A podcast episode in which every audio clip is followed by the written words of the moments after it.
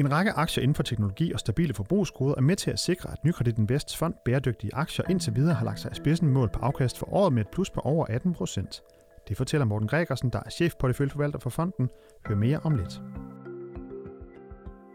Vi kan godt regne med, at der i fremtiden kommer pres på for en mere grøn regulering af virksomhederne. Det siger Søren Larsen, chef for ansvarlige investeringer, på baggrund af resultatet af valgene til både Europaparlamentet og Folketinget. Det dykker vi ned i lidt senere i programmet. Hvis verden skal være CO2-neutral, så bliver klimaspørgsmålet et relevant tema alle steder, lyder det. Til sidst i udsendelsen, så kigger vi lidt ind i fremtiden på bæredygtighedsområdet. Du lytter til Investor Insights fra Nykredit. Mit navn er Kasper Sagmann.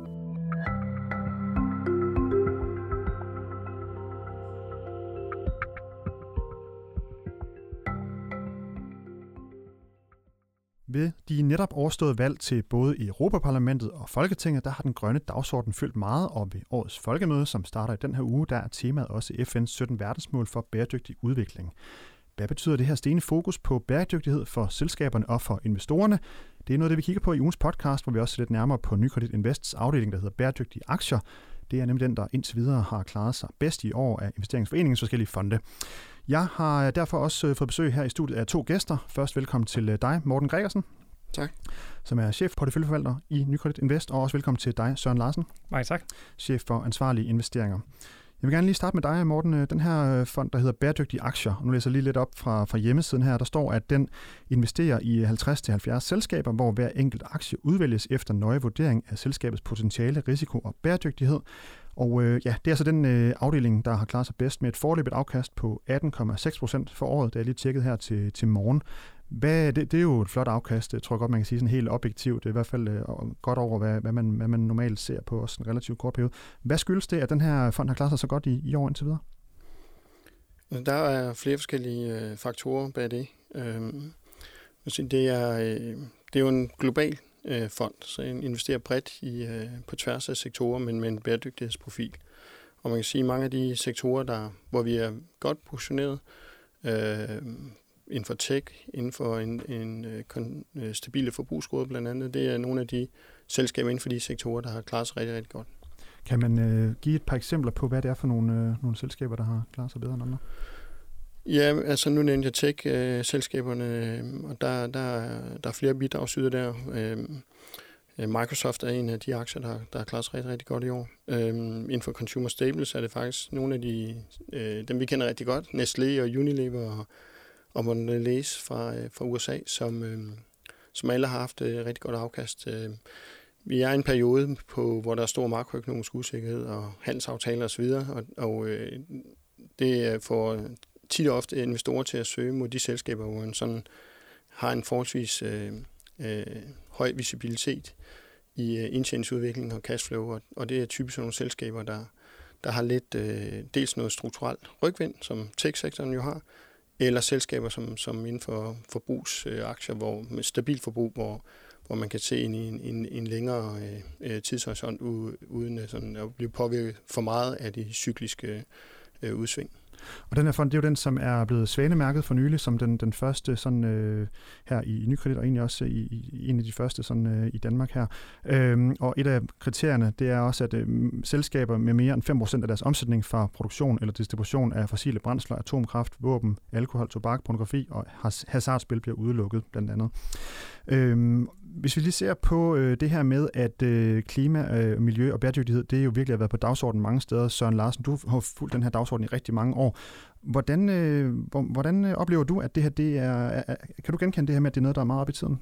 Jeg kan i den grad genkende det. Øh, det er tydeligt, at selskaberne arbejder med det, men man kan så sige, at mange selskaber arbejder med det i mange år der, hvor der sker den helt store øh, acceleration i øjeblikket, det er i forhold til de enkelte investorer, man kan sige de enkelte borgere, både vores kunder som investorer, øh, samtidig jo også dem, der stemmer til Europaparlamentsvalg og øh, øh, til folketingsvalg, øh, de øh, har virkelig øh, taget en meget mere aktiv rolle.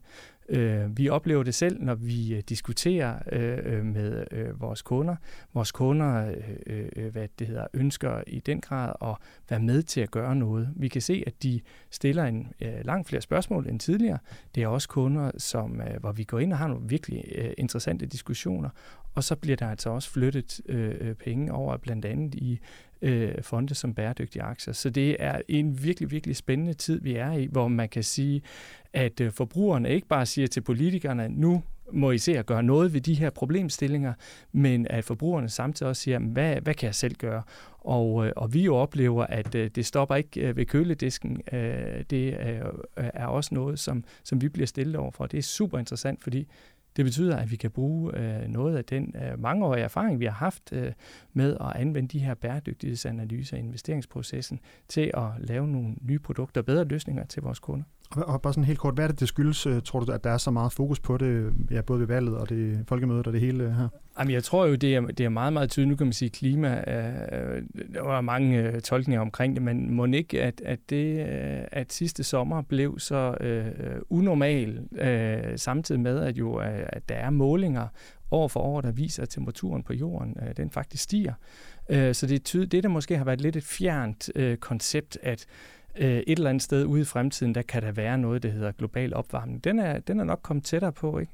Og så er vi alle sammen jo nok kommet endnu tættere sammen i forhold til globaliseringen. Det er altså lige rundt om hjørnet, det der sker ude i, i Thailand for mange danskere.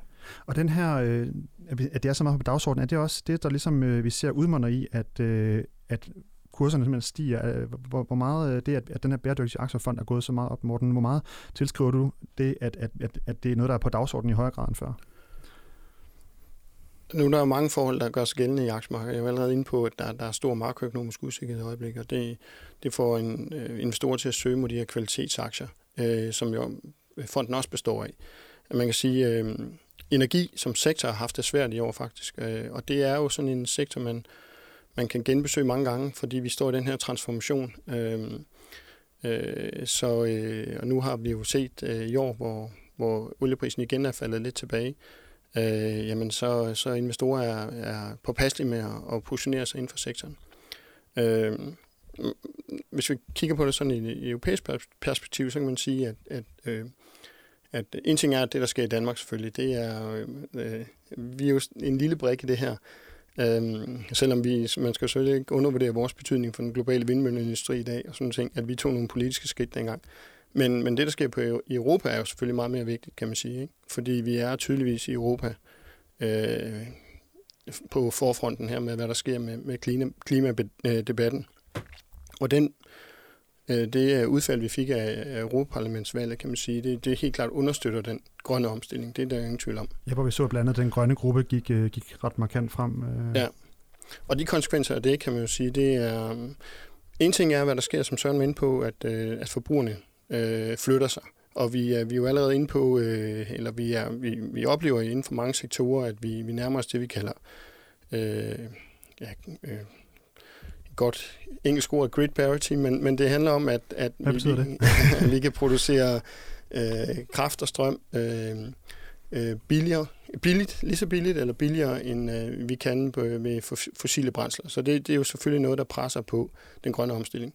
Men, men når vi så lever oven, oven i købet, vi lever i et, i et sådan lavvækst samfund, og, og vi egentlig ikke har behov for mere strøm og kraft, jamen så, øh, så, så går den omstilling jo øh, forholdsvis langsomt. Så derfor har vi også nogle gange behov for, at politikere tager, øh, stiller nogle krav, for eksempel til øh, emissionsstandarder i biler, eller øh, stiller nogle øh, målsætninger for hensyn, for, med hensyn til, hvor langt vi skal nå med den grønne omstilling. Og der kan man sige, det alt tyder på, at, at der vil blive komme mere politisk pres nu her. Så, så ikke bare forbrugerne, der, der driver efterspørgsel, men vi vil også se større krav til udbyderne.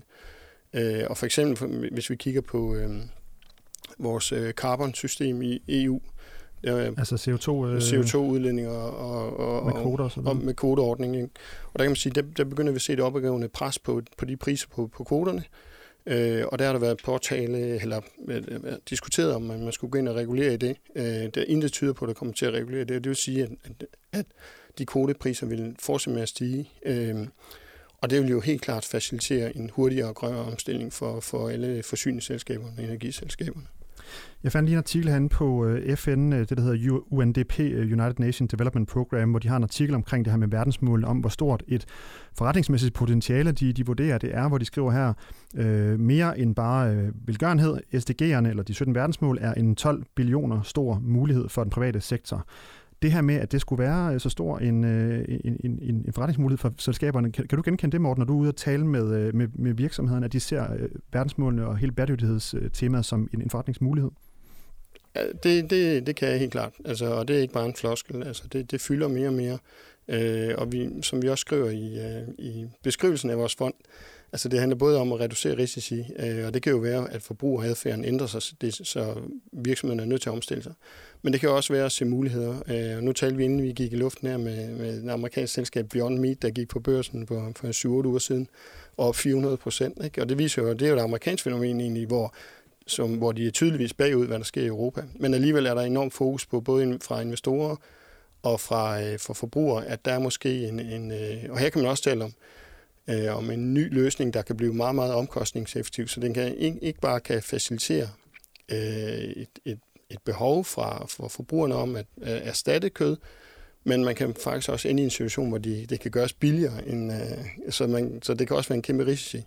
Og det kan man sige, for eksempel Nestlé, som vi har i porteføljen, også, øh, begynder også at dyrke øh, de muligheder, der er der med hensyn til plantebaserede øh, øh, fødevarer.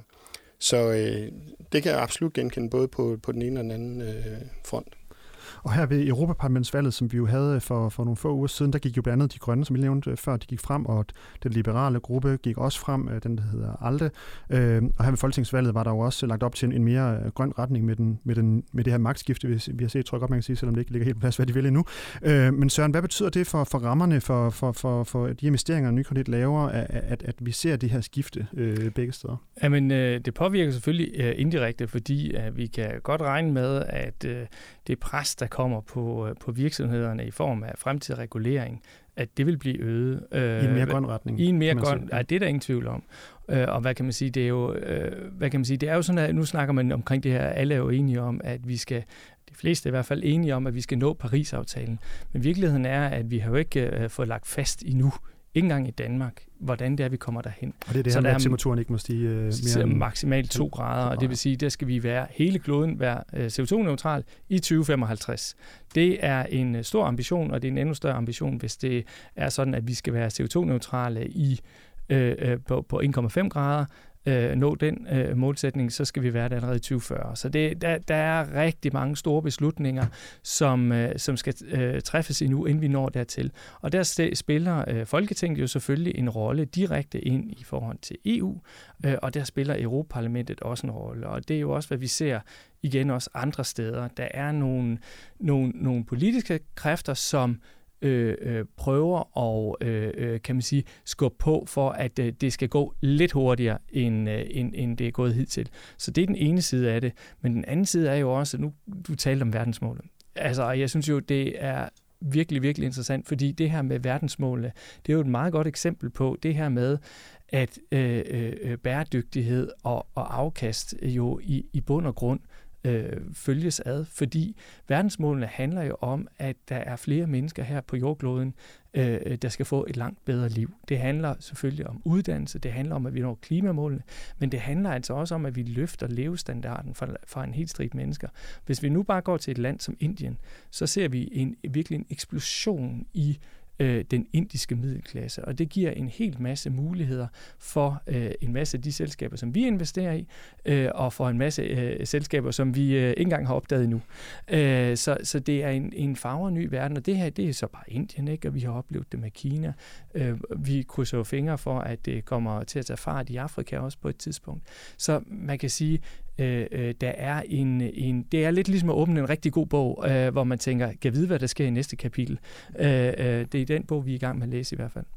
Og øh, hvis vi lige kigger lidt videre i den bog, øh, morgen står der noget om, øh, hvilke sektorer det er, der vil øh, henholdsvis vinde og tabe på den her udvikling måske?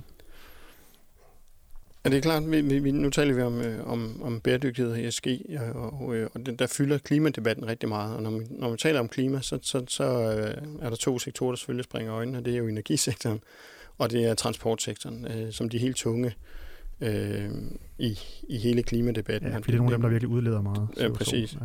Så, og, og, og, øh, og igen, der er jo mange forhold at spille ind her. Der er, øh, der er regulativer øh, og, og øget krav, øh, men der er også øh, ændret forbrugeradfærd, og så er der jo det her, som jeg talte om før, øh, den her omkostningsparitet, hvor vi, hvor vi ender med, at elbiler bliver billigere at køre end en, en, øh, en traditionel bil, og øh, grøn strøm bliver billigere end, end, end, end sort strøm, om man vil. Øh, så det er to sektorer, der virkelig er i, øh, i vælten, kan man sige. Og hvis man kigger på for eksempel øh, automobilsektoren, så er det jo en mm, virkelig, der fylder meget i debatten i øjeblikket, fordi der er ingen tvivl om, at de selskaber er meget, meget billige, men de er også ramt af en kæmpe, kæmpe stor omstilling, øh, samtidig med, at øh, efterspørgselen egentlig ikke er stigende, så du står egentlig og skal facilitere to platforme. Øh, og det skal din underleverandør også på et tidspunkt, hvor du venter, hvor du ikke ved, hvordan verden ser ud om fem år eller om ti år. Øh, så det er en omkostningstung øh, proces, øh, hvor, øh, hvor der også kan være mange taber i. Så, øh, så det, igen, det er både risici og, og muligheder, jeg skal kigge efter. Ja, så inden for, bilsektoren, altså inden for bilsektoren kan, kan det her egentlig både betyde, at øh, vi, ja, at nogen i sektoren bliver vinder, og andre bliver tabere. Det er ikke som, at entydigt kan sige, at hele bilsektoren bliver en, en taber selvfølgelig. Nej, nej. Fordi det, det er et spørgsmål om at omstille sig vel. Ja, præcis. Hvis vi lige bare lige kigger sådan øh, lidt frem, øh, hvordan øh, tænker I sådan øh, udviklingen med, med det her? Altså, øh, har vi toppet, eller hvad kommer der til at blive endnu mere fokus på det her? Der kan jo nærmest, kan jo nærmest ikke komme mere, mere fokus på det, eller hvad? Øh, sådan? Jeg, jeg, det, jeg tror, jeg har sagt det før også. Altså, det her det er jo kun lige begyndelsen. Øh, der er, det, der er meget interessant, eksempelvis, jamen, det startede jo med klima, ikke? Øh, men det interessante er, at klima det bevæger sig ind og bliver relevant i alle sektorer af den her omstilling. Hvis verden skal være CO2-neutral, så er det relevant alle steder. Det gælder lige fra IT-tech-selskaber til øh, fødevareselskaber, det gælder hele vejen rundt. Alle små sten skal vendes. Det er det ene. Men det andet er jo også, at vi vil Øh, øh, jo opleve, at alle de andre aspekter øh, fylder mere og mere i selskaberne. Så, så det, det, det kommer jo selvfølgelig an på, hvordan behandler du dine medarbejdere? Hvordan behandler du dine kunder? Er du god til at se kunden i øjnene og, og finde ud af, øh, at det er, er, er, er en kunde, der faktisk kan anbefale dig? Hvilken rolle spiller du i samfundet? Alle de her spørgsmål, kan man sige, kommer vi til at stille fremadrettet. Øh, og der kommer verden jo hele tiden til at ændre sig. Der kommer hele tiden nye problemstillinger. Hver eneste gang, vi tænker, yes, nu, nu, nu har vi øh, løst det her øh, problem, så kommer det næste. Vi håber, at der bliver fundet en løsning på det, må ikke? tak fordi I kom begge to i hvert fald, og øh, lige gjorde sig klogere på begrebet bæredygtig investeringer. Tak til dig, Morten Gregersen. Selv tak. Som er chef porteføljeforvalter her i Nykredit, og tak til dig, Søren Larsen. Tusind tak. Som er chef for ansvarlige investeringer i Nykredit. Du har lyttet til Nykredits podcast om formue og investering.